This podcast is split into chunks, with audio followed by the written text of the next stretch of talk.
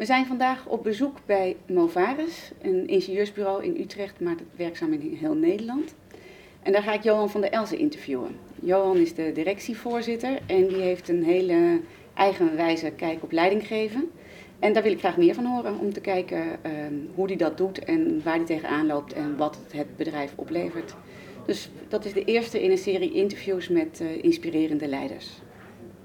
Johan, jij bent uh, directievoorzitter van, van Alvarez, uh, ingenieursbureau. Ja. En jij hebt een heel eigen kijk op leidinggeven en op het aansturen van organisaties. Kun je daar eens wat over vertellen? Ja, daar kan ik wel wat over vertellen. Um, het is, um, ik heb nooit geweten, uh, expliciet, um, wat mijn stijl van leidinggeven is. Want als je dat aan mensen vraagt, dan, ja, dan zegt de een ik ben directief, of ik werk in samenwerken, of ik doe altijd een teambesluiten doen. Maar mijn ogen zijn er uh, geopend doordat een vriend van mij, en ik weet niet wanneer het is gebeurd, ik denk een jaar of zes, zeven geleden, die heeft mij ge-NLP'd. Hij zocht een model uh, voor zijn uh, masters of zo, ik weet niet precies hoe die opleiding eruit ziet. En, toen, en hij kende mij als buurman. Hij is geen letterlijke buurman, daar kwam het een beetje van. Ik ken hem denk ik een jaar of drie, vier. En ik kende hem met name van feesten en partijen. Nederlands elftal, carnaval enzovoort. En toen vroeg hij op een gegeven moment aan mij van, hoe ben jij nou daar in directievoorzitterschap? Ik zei, nou hetzelfde. Nou, dat kan niet, want hij werkte toen bij Atos Origin. En die had wel, dat was een beursgenoteerde onderneming. En hij, had er, hij zei dat kan niet, want dan gebeurt er allemaal belangen, et cetera. Nou, uiteindelijk ben ik toen bij hem op de bank gaan liggen, zeg maar, om eh, dat hele traject door te gaan van NLP. En toen heb ik tegen hem gezegd van, uh, kom maar langs mijn directieoorlog, want dan kun je gewoon zien van wat er gebeurt. In het begin houdt er iedereen al een beetje rekening mee, maar als je ergens achter de hoek gaat zitten, dan merkt na verloop van tijd toch niemand dat meer. En heeft hij twee keer gedaan. En aan de hand daarvan heeft hij, zeg maar, mijn gedrag geëxpliciteerd. En er kwamen een paar opvallende dingen uit. Uh, die ik achteraf niet opvallend vond, maar wel hoe hij ze voerde. Eén, hij zei: Jullie hebben ontzettend veel gelachen, dat vond hij heel belangrijk. Dat deed ze bij Atos nooit blijkbaar. Twee, hij vond mij opvallend niet aanwezig. Um, terwijl ik op feest en partijen juist heel erg aanwezig ben, dat vond hij heel opvallend. Derde, wat hij opvallend vond, dat ik heel veel gevoelswoorden gebruik. Dus veel meer woorden als ik heb ook dat gevoel wel, lijkt me leuk, uh, dan ik weet het ook. Dus dat vond hij wel grappig. Maar het grootste wat hem, uh, wat hem opviel, hij zei, jij managt wat je niet wil. Ik zei, manage wat je niet wil, is dat van onzin? Nee, jij managt wat je niet wil. En datgene wat je wel wil, daar laat jij uh, nooit blijken. zolang het maar binnen de context zich afspeelt waar jij vindt dat het speelveld moet zijn. En daar ben ik over gaan nadenken. En dan heb ik gezegd, inderdaad, dat doe ik. En dat doe ik ook heel bewust, zonder dat ik dat... Maar, en ik ben er ook van overtuigd, dat is de methode volgens mij om leiding te geven aan onderneming. En kan je dat wat meer uitleggen? Ja, dat kan ik meer uitleggen, want als toen is dat pas aan het denken. Want uh, ja, van een directievoorzitter natuurlijk wacht, die gaat op de zeepje staan en dit wil ik en dit wil ik en dit wil ik. Maar dat is het dus niet. En, en hoe, zit dat dan? Hoe kan ik dat uitbeelden? Um, wij zijn een bedrijf met een relatief uh, specialistisch karakter. Dus daarmee geef je zeg maar, de boundaries aan. Binnen dit speelveld spelen onze activiteit af. Hier buiten niet. Dat zijn de boundaries. Dus als iemand met een initiatief komt, uh, bijvoorbeeld we willen ons verder gaan ontwikkelen in uh, bouw- en vastgoedactiviteiten richting ziekenhuizen. Nou, wij zijn het bureau van mobiliteit en openbaar vervoer. Daar zit een boundaries. Ik zei, dan zou ik nog helemaal niet vergaderen direct zo van, wil ik niet, punt. Speelt het zich hier binnen af, dan zie ik ook in zo'n teambespreking van goed, ik zou misschien wel A willen, maar ja, als iedereen B wil en het zit in het, in het speelveld, dan geef ik daarin mijn, mijn team de meeste vrijheid om zelf te exploreren en ontwikkeling te doen en verantwoordelijkheid te nemen. Als ik binnen het speelveld zeg, ik wil dit, ja, dan is het speelveld heel klein geworden. En dan denk ik, dan wordt het soort semi-directief. En dan mogen ze binnen de kleine ruimte die ik ze dan nog bied, mogen ze proberen zich te ontwikkelen. En of datgene van doen te maken wat ik denk dat goed is. Dan ben ik toch wel hartstikke gek om dat te doen. Dan ben ik echt gek. Want ik benut de energie die in deze ruimte zit, eh, benut ik niet. En misschien willen mijn uh, divisiedirecteur en andere directieleden allemaal wel C. En ik wil A. En dan ga ik mee met de energiestroom die van van die mensen binnen het veld wat ik acceptabel vind. Hè. Let op, daar blijft continu het achtergrondscherm. Dan ben ik toch gek om A te willen. Want dan moet ik vijf mensen, in mijn geval zitten vijf mensen in directieoverleg, moet ik omturnen dat ze overtuigd zijn dat eigenlijk A beter is dan C. Terwijl bij C zit energie. En het zit in het speelveld van ik zeg, ja, dat is het speelveld van mijn vaders. En daar ben ik heel veel over nadenken en dat doe ik eigenlijk permanent. En hoe bepaal je dan die kaders van dat speelveld? Bepaal jij die alleen of waar hangen die van af? Dat is heel lastig, hè, want dat is natuurlijk geen, geen rechte lijn. Hè, dat schuurt er continu. En dan ben je een... Uh, dan hoe maak je nu duidelijk van wat het speelveld is? Dat vind ik razend moeilijk. Razend moeilijk. Je kunt dat vanuit een strategie nog wel enigszins doen, want wij zijn actief. Wij zijn actief op uh, de velden, water, energie, infrastructuur. En dan kun je wel een aantal noemen. En daarmee zou je dan automatisch voldoende duidelijkheid bieden dat iemand anders snapt van scholen. Nou, dat past eigenlijk niet, moet eigenlijk niet bij Johan komen. En als hij dan toch komt, dan weet hij dat hij geen voedingsbodem meer aantreft. Maar wat ik veel lastiger vind, dat vind ik dan nog redelijk te doen. Want dat is redelijk feitelijk.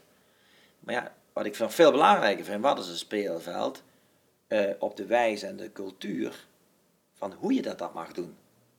Want heel veel mensen vragen naar mij, van wat is nou de leiderschapstijl van Movaris? Ik zeg, nou die ga ik jou helemaal niet vertellen. En ik hoop ook dat die er niet is.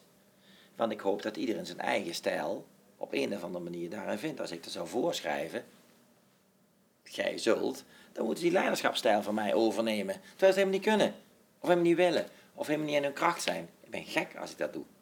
Maar toch wil je niet dat iedereen datgene, het dat de vrijheid zo groot is, dat er ook dingen gebeuren van denk van ja, maar dat, dat past niet bij de cultuur van Movaris. Dus je zou een soort van omschrijving hebben toen gemaakt. Bij ons heet dat dan het oranje boekje. Dat is ook gemaakt, een heel dun boekje. Daar staat bijna niks in. Pagina of twintig met uh, tien woorden per pagina. Waarin wij omschreven hebben, dit zijn wij en dit zijn onze overtuigingen. Dus er staat bijvoorbeeld in, wij gaan uit van de kracht van het individu. Wij... Uh, wij leggen liever uh, verantwoordelijkheid achteraf dan toestemming vragen vooraf. Zulke soort principes zitten daarin. En binnen die principes ja, kan, iedereen, kan iedereen datgene doen wat hij denkt dat goed is voor Movaris. En geldt het ook voor de lagere uh, echelons? Geldt voor iedereen. Ja? Ja. Oké. En, en, daar ligt een bepaald mensbeeld aan ten grondslag, hè? Daar hoor, ik zo impliciet er doorheen. Ja, het is, maar dat is allemaal weer achteraf ga je daar weer over. Want daar zit weer iets, weer iets anders aan ten grondslag. En daar ben ik dus achter gekomen dat ik erg uh, geloof in de kracht van het onderscheid. Ik geloof heel erg in het individu. In het, in het eigen uh, zijn van ieders, van een individu. En ik geloof er heel erg in dat je dus erg moet exploreren en benutten dat mensen verschillen. Want dat is leuk. En wat wij vaak doen in bedrijven, dat wij juist het omgekeerde doen. Wij willen iedereen gelijk maken. In mijn ogen dodelijk. Echt dodelijk. Dus mijn, de, mijn hoofd PNO, die is zes jaar geleden hier gekomen, die zei, Johan, wat is mijn opgave? Wat moet ik nou voor jou gaan doen? Ik zei, dat is heel simpel. Jij moet al datgene wat wij de afgelopen jaren PNO-instrumentarium hebben binnengekruid hier, die moet jij zorgen dat die vernietigd wordt. En dan maak je mij gelukkig. Maar er gaat ook wel een, ja, misschien wel een filosofische gedachte of een mensbeeldgedachte aan de grondslag. Als als je kunt organiseren dat mensen aangesproken worden op hetgene wat ze goed kunnen, en je dat richt, en als je dan erbij denkt dat, dat het leuk is, dat het interessant is, dat je, dat je mensen ontmoet die iets goed kunnen, dus ik vind het leuk als jij iets heel goed kunt, dan hoop ik ook dat jij het leuk vindt als ik iets heel goed kan wat jij niet kunt. En die combi, dan kun je volgens mij heel goed samenwerken. Want dan zit er een natuurlijke trekkracht tussen individuen. Maar wat wij doen is heel anders. Wij hebben functieprofielen. En dan gaan we allemaal iedereen naar de team projectmanagers. En die gaan we net zoveel opleiden, doordat ze al datgene kunnen wat in die projectmanagersprofielen staan. En dan worden ze allemaal als waar gelijk. Terwijl ik denk, als iemand dit kan, iemand anders kan dat kan, iemand anders dat kan, en ze weten dat van elkaar, want dat is wel heel belangrijk. Sterker nog, ze genieten ervan dat anderen dingen kunnen die je zelf niet kunt dan is ja, het team kan al die opgaves makkelijk aan. Makkelijk, want het zit allemaal afradig. Alleen je moet het wel organiseren. En je wordt dan veel makkelijker aangesproken of van, hey Piet, want jij kunt dat heel goed, wil je dat weer een keer doen voor mij? Natuurlijk wil ik dat doen voor jou. Maar dan, ga jij, nee, dat is al duidelijk. Ik kom je, en zo gaat het. En zo gaat het ook tussen bedrijven. Want het is niet alleen de kracht en het onderscheid op individueel niveau, maar ik geloof er ook heel erg in op bedrijfsniveau. Als je in, en dat noem ik dan strategisch samenwerken. Als wij een bedrijf hebben waarvan je denkt, die kunnen milieu, top, geweldig. Dus die, dan word je gebeld, dan ga je samenwerken. Iets wat wij niet kunnen. En de andere bedrijf is enthousiast wat wij kunnen doen infrastructuur. Dus als je dan een klus hebt waarbij de takken van sport gebruikt worden, komen ze bij elkaar. Je moet elkaar niet gaan kopen, helemaal niet. Maar je moet van de kracht van de onderscheid, moet je eens blijven. Want je kijkt dan net even anders naar dezelfde problematiek. En dan creëert dat wat. Ander gedacht, als wij zo'n klein bedrijf bijvoorbeeld zouden kopen, dan krijg je toch allemaal een beetje een tik van de Movaris hamer mee. In uh, managementland heet het alle neuzen dezelfde kant uit. Nou, iets wat je dus nooit moet doen, is alle neuzen dezelfde kant op krijgen. Want dan krijg je een, allemaal eenzelfde oriëntatie. Dan is de dynamiek weg, spanning weg, kracht van de onderscheid weg. Nooit kan me voorstellen dat jij gewoon echt een paradigma shift hier hebt veroorzaakt. En hoe doe je dat nou in een bestaande organisatie? Oh ja, daar is dat, dat. Ik denk dat er helemaal geen recept voor is. Hoe heb jij dat gedaan? Nou ja, het, het is een. Uh, uiteindelijk, waar ik achter ben gekomen als directievoorzitter, dat is ook heel paradoxaal, denk ik. Want toen ik dacht van ik word directievoorzitter, word ik natuurlijk de man van de, van de strategieën. Daar ben ik nou. Zo voel ik het helemaal niet. Ik voelde helemaal niet dat. Ik ben wel met strategie bezig, maar we zijn een mensenbedrijf. Wij hebben het enige wat wij hier hebben is mensen. Ik vind het anders als jij directievoorzitter bent van Hoogovens. Bijvoorbeeld Hoogovens, besluit je nu om een nieuwe fabriek te bouwen, of een nieuwe plant, of een, of een kolencentrale ergens te kopen of zo, vind ik relatief uh, niet-menselijke beslissingen. Ja, niet dat ze onmenselijk zijn, ze, ze gaan mensen minder aan. Vind ik veel rationele processen. Maar wat wij hier doen, zijn 1100 mensen continu proberen te motiveren en uit te dagen om dingen te doen waar ze echt goed in zijn, wat ze leuk vinden en wat misschien ook wel iets oplevert voor, voor Movaris. En als, als wij heel erg vanuit de top die strategie zouden domineren, ik denk dat je ongelooflijk veel fouten kunt maken. Want als, dus ik heb veel liever dat wij strategische issues accommoderen. Dus die komen ergens ontstaan die, er komt een ambitie, wij gaan iets meer doen op het gebied van energie, water, en dan moeten wij dat volgens mij als directie accommoderen. Niet voorschrijven, maar accommoderen. Maar waar je dus extreem veel invloed op hebt en extreem veel impact, is de cultuur. Dat is onbeschrijfelijk hoeveel je daar impact op hebt. Bijna eng. Want de impact, hoe ik ben, is gigantisch op de mensen. En je praat dan echt over ja, wat, wat, je, wat je wil, ja, hoe wij met elkaar omgaan, wat we acceptabel vinden, wat we niet vinden. Je hebt het bijna over goed en slecht. Vertel eens, hoe, hoe werkt dat in de praktijk? Nou ja, omdat je toch heel erg, eh, ik, ik stuur de onderneming heel erg waarde gedreven. En waarde en normen gedreven. Ja, dat betekent dat is een heel ander aspect wat je dan benadrukt dan uh, ja, of, de, of 10 miljoen winst maken, 5 miljoen, of dat je van verlies maken. En dat is voor mij ook de primaire drive om een organisatie te richten. Die waarde. Die waarde, ja. ja ik geloof er heilig in. En uiteindelijk is dan, uiteindelijk de winst en verlies is, denk ik, een afgeleide van al datgene wat er aan vooraf is gegaan. En dat staat niet vooraan. Ik geloof daar totaal niet in. En je zegt, je hebt als uh, directievoorzitter als directie vooral invloed op de cultuur. Ja. Maar volgens mij heb je ook wel dingen gedaan. Wat je net vertelde over bij PNO Hub, alle instrumentarium eruit gooien. Ook dingen die veel meer op de, de hardere kant, zeg maar de systemen en hoe je... Ja, want daar zie je, daar zie je dan, van die, die zijn, uh, kijk, met dat denken is zeg maar uh, functieprofielen, om maar als voorbeeld te noemen, is, is een, een niet congruent onderdeel van mijn gedachten. En ik weet best wel, want dat is de andere kant van de medaille. En dat, dat ben ik ook wel weer een beetje aan het bijschaven. Ik ben dus enorm, geloof ik, in dat van onderaf komen. Kracht van het onderscheid. En als je het nou maar extreem invult, dan denkt iedereen, oh, hier bent bewaars, kan iedereen datgene doen wat hij leuk vindt. En dat is natuurlijk niet waar. Ik hoop niet dat het omgekeerde waar is, maar niet de het is hier geen volledige vrije blijheid. Dat kan ook niet. Maar waar zit nou die band en hoe kun je dat nou omschrijven? Dat mensen wel vrijheid ervaren, maar wel de boundaries zien. Want als je de vrijheid niet meer ervaart, het speelveld is oneindig, dan kom je tot niks. Want dat richt niet. Dat vind ik zelf heel lastig. Want in het begin, ik ben wel veranderd de afgelopen jaar. Ik sta iets meer op de bühne. Ik sta iets meer op de zeepkist. Ik kom iets meer in groepen dan voorheen. Want dan zei je, ja maar jongen, wat, kunnen ze dan zich ontwikkelen? Alle kanten op. Ja, maar als dat alle kanten op komt, dan komen ze tot niks. Dus je moet wel ergens dat op een of andere manier toch gaan richten. Of die boundaries toch wat expliciet, explicieter maken, zodat dat mensen daarop kunnen intekenen of niet. En hoe doe je dat dan? Waar, waar worden die boundaries dan door bepaald? Nou, die boundary. Bijvoorbeeld, waar, hoe ik het doe, is bijvoorbeeld in een nieuwjaarstoespraak. Die is voor ons heel belangrijk. Dat is eigenlijk de enige keer dat ik iedereen toespreek. Als je hem van acht jaar geleden zou zien en van vorig jaar, dan is idee, dan is, was die van vorig jaar, dan had hij meer uitleg van strategische issues die wij belangrijk vinden om de mensen meer te richten. Ook inhoudelijk te richten. Acht jaar geleden ging je alleen maar over waarden, normen en, en instellingen, cultuur en gedrag. Dus omdat ik, dat was wel een breekpunt met mijn voorganger, want die had het over uh, groei en over uh, rendementen en die had allemaal sheets. Ik had helemaal geen sheet, ik had helemaal niks. Ik had alleen maar, dat is mijn verhaal. Ik, is ook een nieuwe toespraak, schrijf ik ook helemaal zelf. De, de communicatieafdeling kan er geen enkele bijdrage leveren, want het is mijn verhaal, dat is mijn boodschap en dat kan alleen maar ik vertellen, op mijn manier. En iemand anders kan dat niet. Dus een ghostwriter of iemand anders dat opschrijven, joh, dan kan het helemaal niet. Dat is niet jouw verhaal. Kan niet.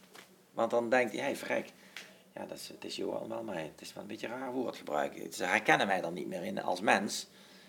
Uh, en dan, dan gaan ze daar toch misschien anders interpreteren dan jij zou willen. Maar het is heel lastig om dat concept uh, of dat gedachte te projecteren op je dagelijkse gang van zaken. Dat is heel moeilijk, dat besef ik heel erg goed. En ik heb ook menigeen dat mensen gedesoriënteerd raken. Zeggen, jongen, zeg nog gewoon wat je wil. Ja, en hier en daar heb ik het ook al gedaan.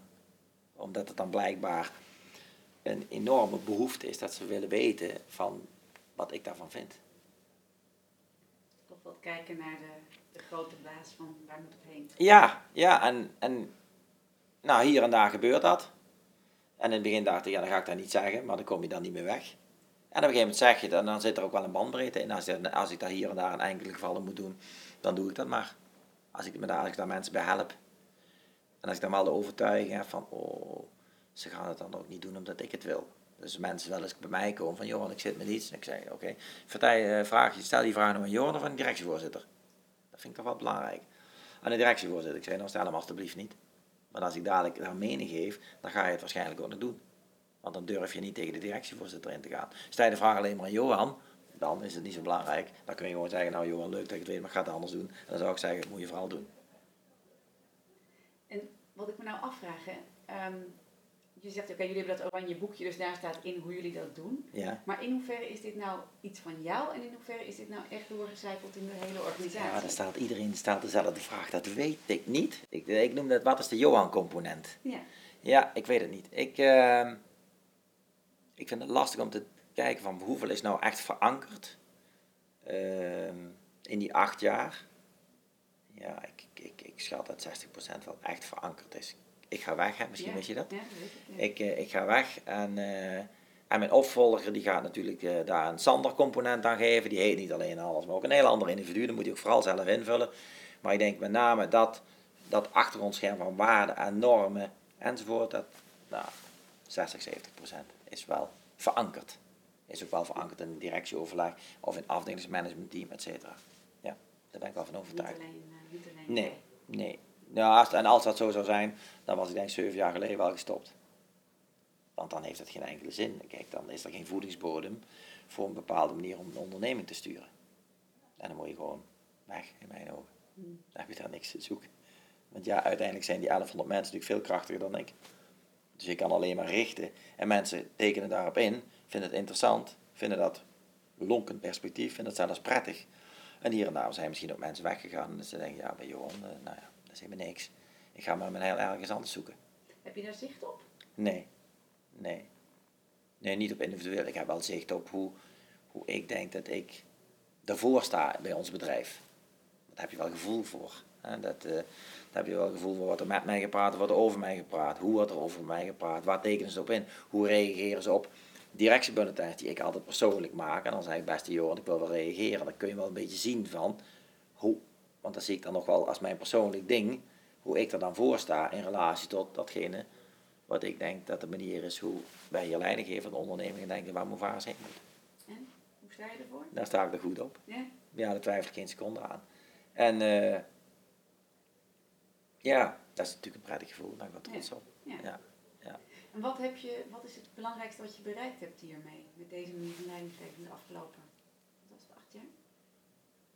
Ehm, ik denk dat ik eh, de, het gevoel heb bijgebracht dat mensen veel meer zelf eigenaarschap kunnen, kunnen toe-eigenen en verantwoordelijkheid kunnen nemen voor het ontwikkelen van bepaalde dingen. Ik denk dat ik ook heel erg me heb gericht op samenwerken. Wij zijn een ongedeelde BV, hè, dus onze regiokantoren zijn geen BV's of zo. Zou ook nooit gebeuren in mijn regeerperiode, want dan, dat zijn allemaal dingen die het samenwerken, want de kracht van het onderscheid, ja, samenwerken is gewoon een, een must bemoeilijken. En ik denk, we hebben natuurlijk slechte tijden gehad, of relatief slechte tijden. En ik denk wel dat er gevoel is van, hé hey, verrek, eh, maar ondanks dat hebben wij het afgelopen jaar nog behoorlijk goed gedaan. En in mijn ogen komt dat onder andere door de manier hoe wij met elkaar omgaan. En onder andere doordat wij geen hele dominante sturing hebben op uiteindelijk de financiële performance. Dus wij denken eerder in een soort van winsttevredenheid. Wat is dat? Ja, dat is eigenlijk dat is het meer een contramal tegen het winstmaximalisatie, winstoptimalisatie.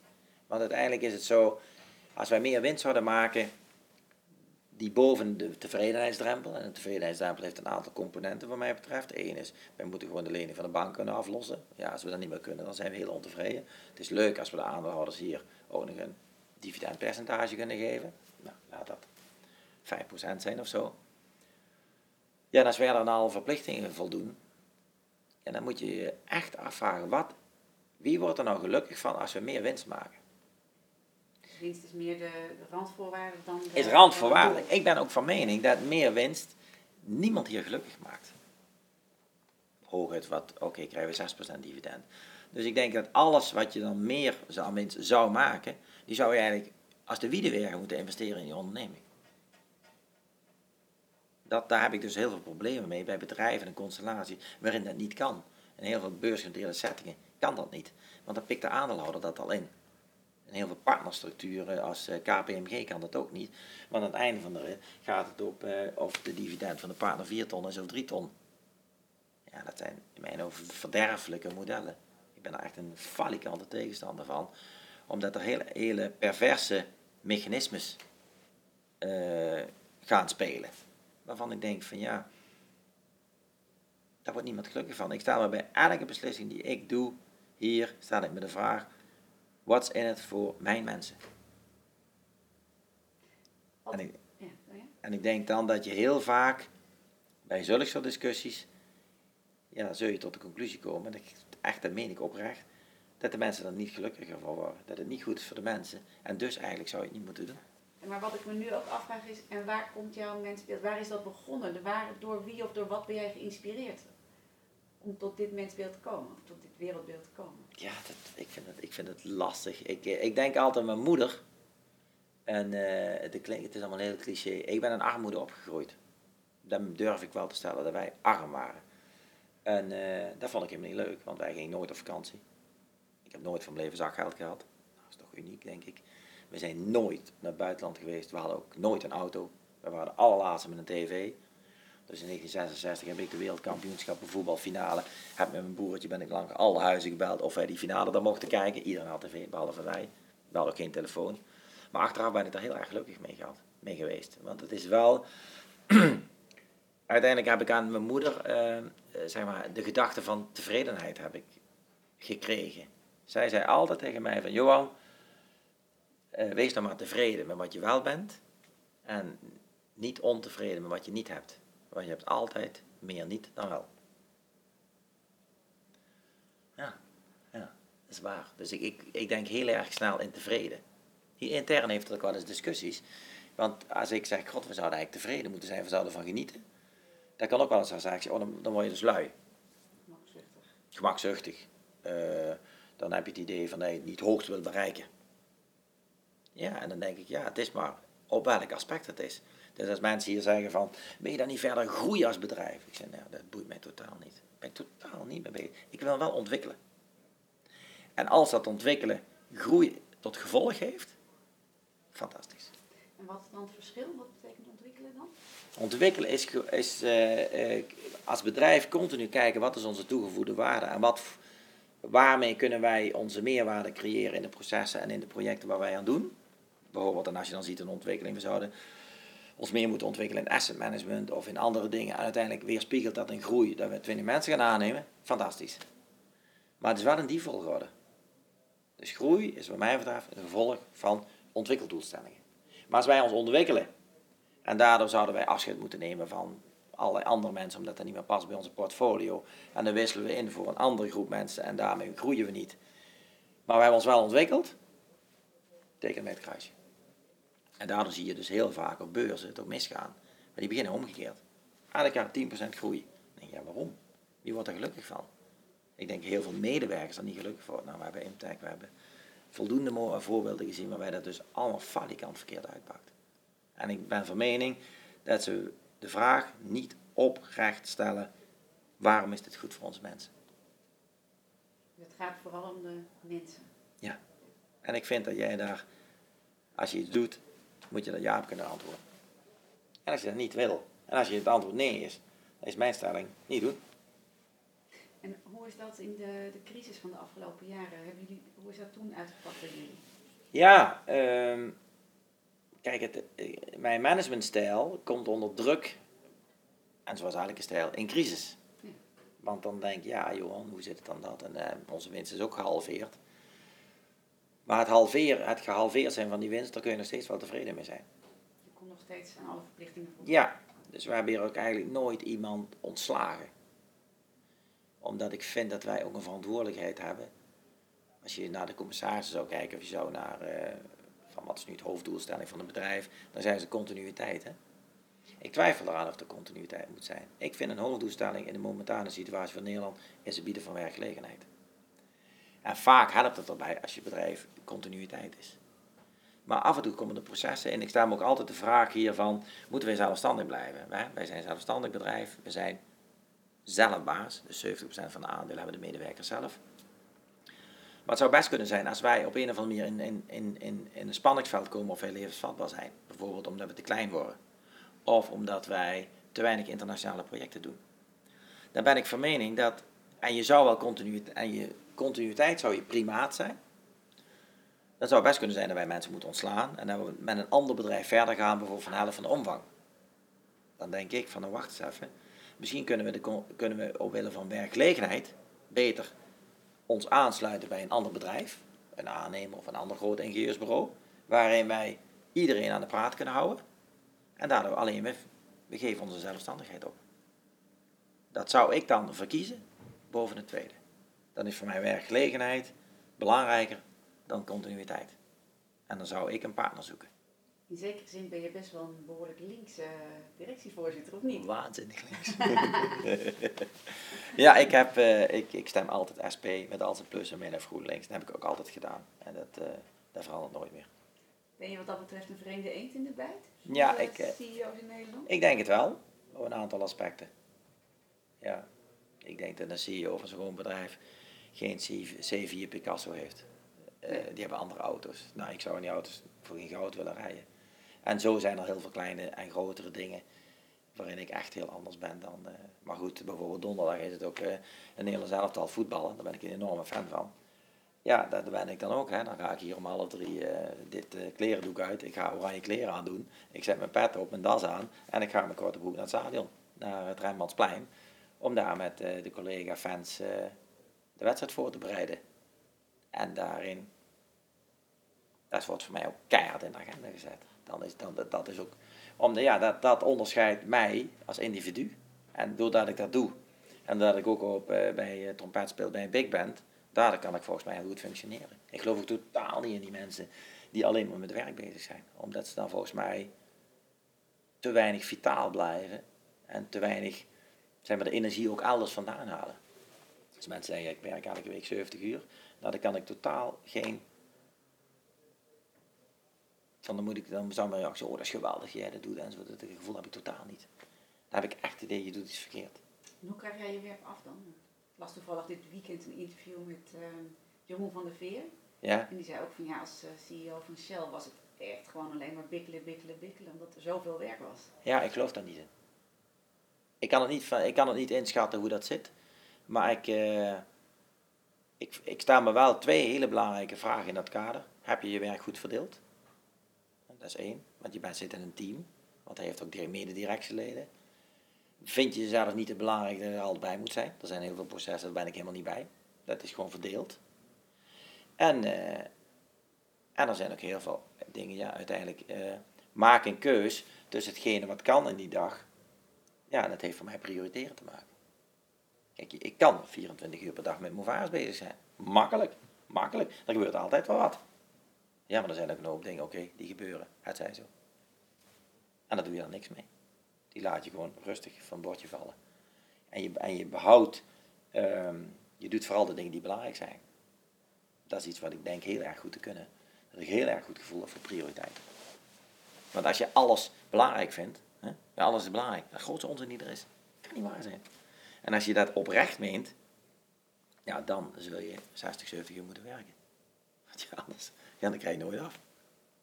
Maar als je maar 30% belangrijk vindt, dan is 70% al weg. Nou, dan kan het in 18 uur. Doe je dat ook in 18 uur? Nee, nee, nee, maar het, het geeft wel een, een, een, beeld hoe ik daar tegenaan kijk. Dus dat mensen 70 uur, ik ben, ik ben echt van mening dat er dan iets, ja, ik denk iets mis zit. En het kan bij het individu komen. Hè.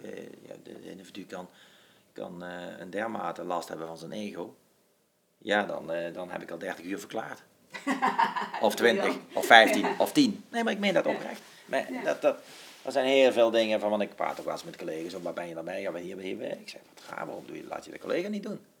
Die kan dat prima, die kan het ook, die kan het ook prima. Ik zou mijn baan ook echt helemaal niet leuk vinden. Als ik ook alle avonden dan weg ben met alle eten, et cetera. Dan deze week ben ik drie, twee avonden weg en volgende week ook drie, geloof ik. Nou, dat vind ik, als dat elke keer zo zou zijn, dat ik elke week drie dagen in de week voor mijn werk weg zou zijn, dan had ik het uh, niet gedaan, niet acht jaar gedaan. Dat vind ik helemaal niet leuk, want dan komt dat heel erg in contrast met thuis en met de kinderen en met een keer gewoon naar de film gaan of een keer voetballen of naar de big band of allerlei andere dingen.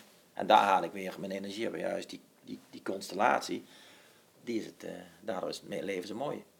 En niet alleen om hier 24 uur per dag moevaars, uh, nee. nee. Ben je ook, waar ben je tegen aangelopen wat niet, waar het, waar het wat niet lekker werkte of wat niet werkte? Nou, echt iets fundamenteels denk ik niet. Het is wel gradueel. Gradueel wel in de zin van dat ik, ik ben nu directiever dan acht jaar geleden. Dat ik totaal niet directief ben, maar soms denk van wauw. Dus dat ik mijn keuzes moet maken. Dat ik zeg, kan me niet schelen wat je wil, nu gaan we dit doen. Dat, dat is zeg maar het volledige, in al zijn uh, ultieme vorm, die stijl. En dat het dan gaat werken in zijn organisatie. Nee, dat werkt niet. Daar hebben dus mensen meer behoefte aan duidelijkheid. Of meer behoefte aan, Johan, vertel het nou maar, dan ik toen dat tijd dacht. Want ik dacht, wat is dan mooier dan de vrijheid in te hebben. En verantwoordelijkheid achteraf af te leggen. Dat is prachtig. En ga maar ondernemen. Maar dat, dan krijg je toch een constellatie dat mensen gedesoriënteerd raken. Dus dat werkt niet. Nee, oké, dat werkt dan niet. En dan is de vraag, werkt dat niet bij ons of werkt dat nergens? Dat vind ik lastig om dat in te schatten. Maar goed, dan ga je, dan ga je aan aanpassen. Het is natuurlijk altijd zo, ik heb ook het beeld van, uh, ik ben tegen functieomschrijving. We hebben ze wel. Hm, we hadden er volgens mij 130 eh, en nu hebben we er 70. Maar eigenlijk ben ik van mening dat we er geen eentje nodig hebben. Maar eentje. Medewerker van Movaris heet die. En dan staat er een beschrijving van een beetje dat oranje boekje. Zo gedragen we ons. En, maar dat haal ik natuurlijk nooit. Dat is natuurlijk kansloos. Maar goed, we hebben er nu al een beetje minder dan we hadden. Maar mensen, om daar oprecht in mee te gaan, creëert heel veel um, beetje onduidelijkheid. wat moet ik dan doen? Ja, dat zijn allemaal rollen. Dat is allemaal rollen. Dat geldt voor de staven ook, dat geldt voor de financiële afdeling hier ook. Die vinden mijn ideeën hartstikke inspirerend, maar niet altijd even handig. Want hoe ga je dat dan in de systemen zetten? Ja, dat moet allemaal een beat zijn hoe we dat doen. Dan maar niet, hè? Of competentieprofielen, nou iets iets verschrikkelijks is nauwelijks denkbaar in mijn ogen, want we hebben er alleen maar last van. Alleen maar last van. Dus je legt dan een bepaald beeld als lonkend perspectief, dat weet ik zeker, dat halen we nooit. Maar dat hoeft ook niet. Dat hoeft ook niet. Dat Dat hoeft ook niet. Maar ik denk wel dat nu wel breed gedragen is. Als mensen nu met de initiatieven komen en een omschrijving maken voor een functie van dit en dat en dat. Ik zeg, nou, dan denk ik dat gemiddeld gezien dan nu sneller op geregeld. Wat moeten we dat wel doen? Lijkt die niet op die andere functie? Maken we er geen niveau onderscheidend kenmerk van? Kunnen we niet in een reeks gooien? Zodanig dat we toch dat gebouw wat eenvoudiger maken. Dat is denk ik wel breed gedragen. En ik denk tien jaar geleden zei iemand, eh secretaresse C of D, nou laat maar één schrijven. Nou, toen hadden we vijf en nu hebben we nog maar één. Dus dat zijn wel dingen die echt veranderd zijn. En voor mij kun je het alleen maar door dat continu te herhalen en continu die overtuiging aan, aan- over, over de bühne te brengen. En in de hoop dat er mensen daar niet op intekenen omdat ze zeggen, ik zal Johan plezier doen, maar dat er, oh, dat er oprecht een proces komt van, hé, ja, dat is eigenlijk wel zo. Ik sta er ook eigenlijk oprecht wel achter. En dat is een vraag die je altijd moet stellen.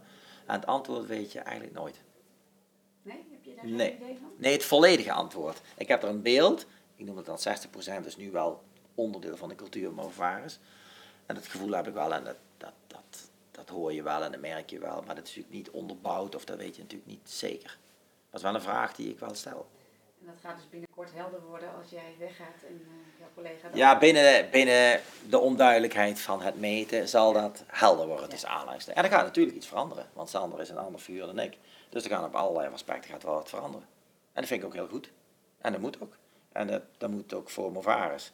En dat moet ook voor Sander zelf. Want die moet mij vooral niet nagaan doen. Vooral niet. Maar het is wel, het achtergrondscherm denk ik redelijk hetzelfde is. Strategische organisatie, ik kan me niet voorstellen dat Sander daar echt andere dingen aan gaat doen. Wat zou je andere leiders aanraden? Die, is het een manier van leiding geven die iedereen in principe kan gaan doen? Of heb je daar eigenschappen voor nodig? Of, Ja. Ik denk dat iedereen het kan. Maar ik denk dat. Ik denk dat eh, wat ik zie, dat denk ik CEO's zich sterk de vraag moeten stellen. En ik hoop dat ze afstand doen van het feit dat ze zichzelf belangrijk vinden. Ik denk dat dat een, een redelijke component is die dagelijks parten speelt. En je mag het dan ego's noemen of et cetera. Of eh, de zucht naar macht of naar geld of naar status. Ik denk dat dat een groot probleem is. Je vertolkt gewoon een rol. En ik vertolk die rol bij de gratie van de medewerkers. En dat zie ik als een geschenk. En ik word daar best redelijk voor betaald. En dat vind ik allemaal prima, maar dat is het. Maar je bent niet belangrijker dan een gewoon, ik zeg ook heel vaak, ja, ik ben gewoon één van de 1100. Nou, dat is directieoverleg het dan totaal niet mee eens, maar dit terzijde. Maar dat beeld wil ik wel continu uitdraaien, uitdragen. Dat is, dat is voor mij een hele belangrijke component. Twee is, voor mij stel jezelf continu de vraag, vind ik dit echt leuk? Is dit nou echt mijn ding? Ehm, eh, ben ik weer degene die een bedrijf in een bepaalde fase verder kan helpen? Dus stel je de vraag, sta je ook kritisch op? Sta je ook kritisch op in de zin van ben ik nog flexibel? Want al mijn cellen in mijn lichaam verstarren. Die verkalken, weet ik veel, de bot, et cetera. Ik ben nu 56, dus mijn hersenen verstarren ook. Dus ik ben echt van mening dat je, dat je verstart ook in denken. Dus kijk naar je verstarring. En kijk naar, laat je nog echt alle ideeën en iedereen laat je die oprecht toe in jouw denkvermogen. En ik denk dat heel vaak het antwoord is dat je daar nee op moet zeggen. Nou, dan kun je nog zeggen van heb ik dan voldoende dynamiek georganiseerd in mijn team? Heb ik dan voldoende wisselingen? Want dan kan iemand anders door jou op het idee brengen. En uiteindelijk is dat een soort van een houdbaarheidsdatum. Nou, en ik denk, sta je continu de vraag van, ben ik nog degene die het bedrijf verder kan helpen? Of, wat er niet sta je dat? Of eigenlijk vind ik het al een paar jaar al helemaal niet meer zo leuk. Of, noem maar op. Nou, dat, voor mij wordt dat nooit gesteld. Praat erin met de commissaris, heb dat beoordelings- en functioneringsgesprekken. Dus die, en er wordt ook veel te weinig gedaan. Veel te weinig gedaan, denk ik gewoon. Ook de persoonlijke ontwikkeling van directies. Dat die ook persoonlijk ontwikkeld moet worden. Of je nou 56 bent, 46 zijn, maakt niet uit. Maar er wordt op dat niveau veel te weinig gedaan. Dat, de- dat de Raad van Commissaris nog de ja, beheerder is van het personeelsdossier van mij en van directievoorzitter. En heb het erover met elkaar. En eh, dat zou ik heel graag iedereen willen aanraden. ook een grote mate van zelfreflectie hoor ik. Ja. Ja, stel, je, stel je daar kwetsbaar op, hè? want als ik die vraag aan een gemiddelde directievoorzitter zal stellen, dan zullen er 99 van 100 zeggen, ja, ik ben geweldig flexibel. Natuurlijk, dat overkomt natuurlijk iedereen behalve mij. Onzin. En trek daar de consequenties uit. Dus, en, en dus Ga dus, blijf dus op je post zitten, omdat je overtuigd bent, enzovoort. En men is overtuigd en blijf niet op de post zitten van, ja oké, nou uh, vervalt mijn staat, wat moet ik dan gaan doen, of enzovoort. Dan zou je denken, uh, werken in Nederland veel plezier doen. Maar het is geen gemakkelijk besluit hoor. Ik bedoel, dat is niet makkelijk. Ja, en als je dan, heb ik dan nog twee van het soort van die cultuuruitdraging, sta je altijd de vraag, alle besluiten die je neemt, wat zijn er voor mij mensen? En twee, stel ik altijd de vraag, elk besluit wat ik neem, moet je in de kantine kunnen hangen? Een soort als een referentie, niet met de vraag van, ben ik het erbij eens? Maar wel, omdat daar het antwoord gegeven wordt of het congruent is. Of de besluiten die je dan neemt, congruent zijn met allerlei andere besluiten. En die kunnen op financieel gebied zijn, die kunnen een CO te maken hebben, strategische oriëntatie. Ga je iets bezuinigen of niet? Ga je leasehoudebeleid bezuinigen? Dat hebben we ook allemaal gedaan. Maar is dat congruent met allerlei andere dingen? Is dat en dat is, en die toets, ik noem dat meer de overal cultuurtoets, zeg maar. Ja, dat is maar één groep die dat ontzettend goed kan. En dat zijn die mensen die hier in de kantine zitten. En dan kun jij en ik kunnen dat niet meer. Maar ik vind wel dat je daar moet toetsen.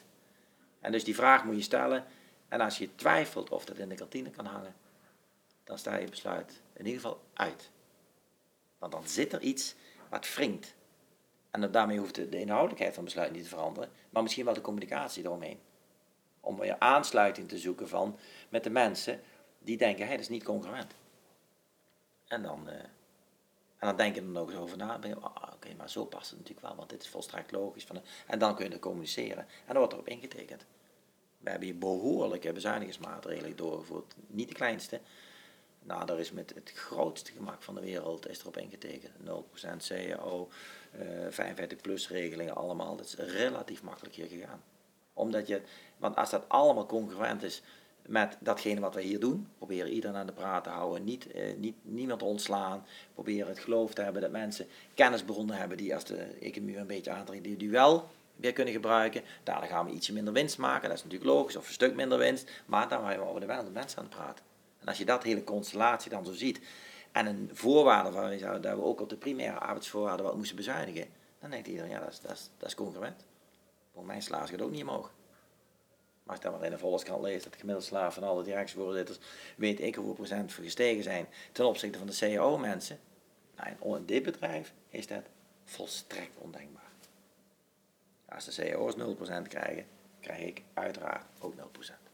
Er wordt hier zelfs nog geen seconde aandacht aan besteed. Die vraag speelt hier niet.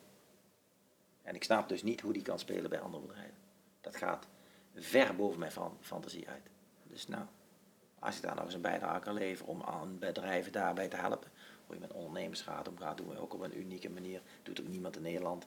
En volgens mij is het puur enkel alleen omdat het achtergrondscherm is voor mij begint bij vertrouwen. En als je dat en dat trek je door, en dan kom je op hele innovatieve concepten die in geen enkel ander bedrijf doen, omdat daar dat uitgangspunt wel in de mond vertrouwen is, maar direct daarna zie je het in de uitwerking, is niet gebaseerd op vertrouwen.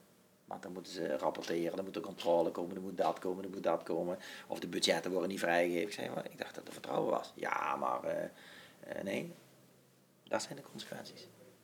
Dus de consequentie bijvoorbeeld iets wat klein is, maar misschien wel heel groot kan worden. Bijvoorbeeld declaraties, zover zijn we hier nog niet. Ja, mijn beeld is als iemand die declareert, worden we, betalen we dat. Punt. Geen één handtekening. Ik vind de grootste onzin die er is. Omdat waarom gaat iemand nou een koelkast hier declareren? Dat doet niemand. En als je doet, dan betalen wij. En hoop ik dat hij gelukkig wordt. Maar wat gebeurt er met die systemen? En en natuurlijk begint de financiële afdeling van, ja joh, dan moet dan fiscaal allemaal kloppen. Ik zei, dat allemaal waar. En dat jullie af en toe eens een toetje moeten doen om de fiscale aspecten over de netjesregeling, vind ik fantastisch. Maar als iemand hier declareert, ik ga uit van vertrouwen, ik denk dat dit oprecht doet, betalen wij dat blind. Overmaken handel. En dan stellen ze vaak van, ja ben je niet bang dat die koelkast besteld wordt? Ik zei, daar ben ik totaal niet bang voor. En dan stellen ze nader, en gebeurt het dan niet? Ik zei, dat weet ik niet. Het zou best kunnen zijn dat er een koelkast een keer besteld wordt. En die gaat hij declareren en dan betalen wij dat dus. En dan zeg ik, dan hoop ik dat hij heel gelukkig wordt. Maar wat doen we? We doen het hele systeem gaan verzwaren. Om die enkeling, die ene, die net even niet past binnen de Bovaris oranje boekje, binnen hoe wij met elkaar omgaan. En dat willen we voorkomen. En daar gaan we het over 1100 mensen uitstorten. En dan moet bij ons bij een declaratie tegenwoordig iets van twee handtekeningen komen buiten de medewerker. Ja, dat, dat, dat, is niet concurrent. Het is mij tot op heden niet gelukt hoor, daar ben ik eerlijk in. Want het is blijkbaar wel... Maar ik zou daar geen seconde over nadenken. En dan denk ik, oké, dan houden we dus de fiscale problematiek vast. Hè? Dat is wel een ding. Oké, hoe kunnen we dan binnen dat concept toch iets organiseren dat wel fiscaal, wel wij hier geen dingen doen waar we dadelijk met de belasting een heel groot probleem. Dat wil ik niet. En ja, dat vind ik, vind ik geweldige dingen. En dat vind ik heel geweldige dingen om proberen daar toch een ja, stap in te maken. Daar, zit, daar ben ik dus ook achter gekomen. Er zit ook weer een generieke gedachte achter. Daar, kom, daar ben ik ook achter gekomen toen. Doe, creëer nooit een systeem, ik weet niet of het nooit is, maar nooit een systeem om dingen te voorkomen die slecht zijn. Ja, dat is heel ingewikkeld, maar kan het je uitleggen? Ja, probeer nooit een systeem te ontwikkelen om te voorkomen van dingen die slecht zijn. Want die gaan uit van een principieel verkeerde gedachte. Dus je wil voorkomen dat de koelkast gedeclareerd wordt en dan komt dat hele systeem. Denk maar aan je kinderen, ik weet niet of je kinderen hebt. Uh, dus mijn, onze gedachte van Anja en ik was ook altijd, wij leerden de kinderen direct de trap oplopen. Dus als je erg wil voorkomen dat de kinderen van de trap aflazeren, dan ga je maar hekjes bouwen, hekjes boven, hekjes beneden. Hadden we natuurlijk ook wel, maar wel heel snel proberen. We moeten dat eigenlijk proberen te voorkomen. Dus als je iets negatiefs voorkomt, omdat je dan uitgaat van, hé, hey, die zitten te kluiten te belazeren, dat is de uitzondering die de regel bevestigt, die vertrouw ik niet. En dan ga je een systeem ontwikkelen wat uitgaat van dat niet vertrouwen voor iedereen. Tegen die, elf, die andere 1099 mensen, die, ja, ja, wij gaan toch geen koelkast eh, declareren. Dat doen we toch niet met ons in. Maar ja, het is wel een uniform systeem. Dus jij zegt liever het risico lopen dat er een keer een koelkast wordt gedeclareerd. Dat zei zo, ja. ja. Ach, dat zei zo. Ja. En als hij dan een keer een onoplettend moment heeft dat hij heel trots die koelkast heeft, heeft gedeclareerd. En hij vertelt het een keer van, ja, het gek man, ik heb net een koelkast gedeclareerd. Ja, dan stoot het organisme het individu uit. Ja. Want dan red je het niet. Want dan komt er een soort van een sociaal proces begint in gang te drukken. Dat, dat, dat zo'n eh, onderdeel wordt uitgekotst. Want wij willen geen mensen hebben die de koelkasten privé declareren. Dat willen wij niet. Punt. Dat past niet bij ons. En dan gebeurt het ook niet meer, denk ik. En ik denk dat dat is dan de keerzijde van, maar voor Avro 1009 hebben ze heel prettig geregeld. En, en voelen ze het heel trots en heel congruent en zijn toch fantastisch. Het gebeurt nergens in Nederland. Ook hier niet? Ook hier niet. Heb je de rest niet kunnen overtuigen of is het gewoon, de, is het gewoon nog praktisch te lastig? Ja, ik denk dat er op een aantal processen zijn er wel handtekeningen geschrapt.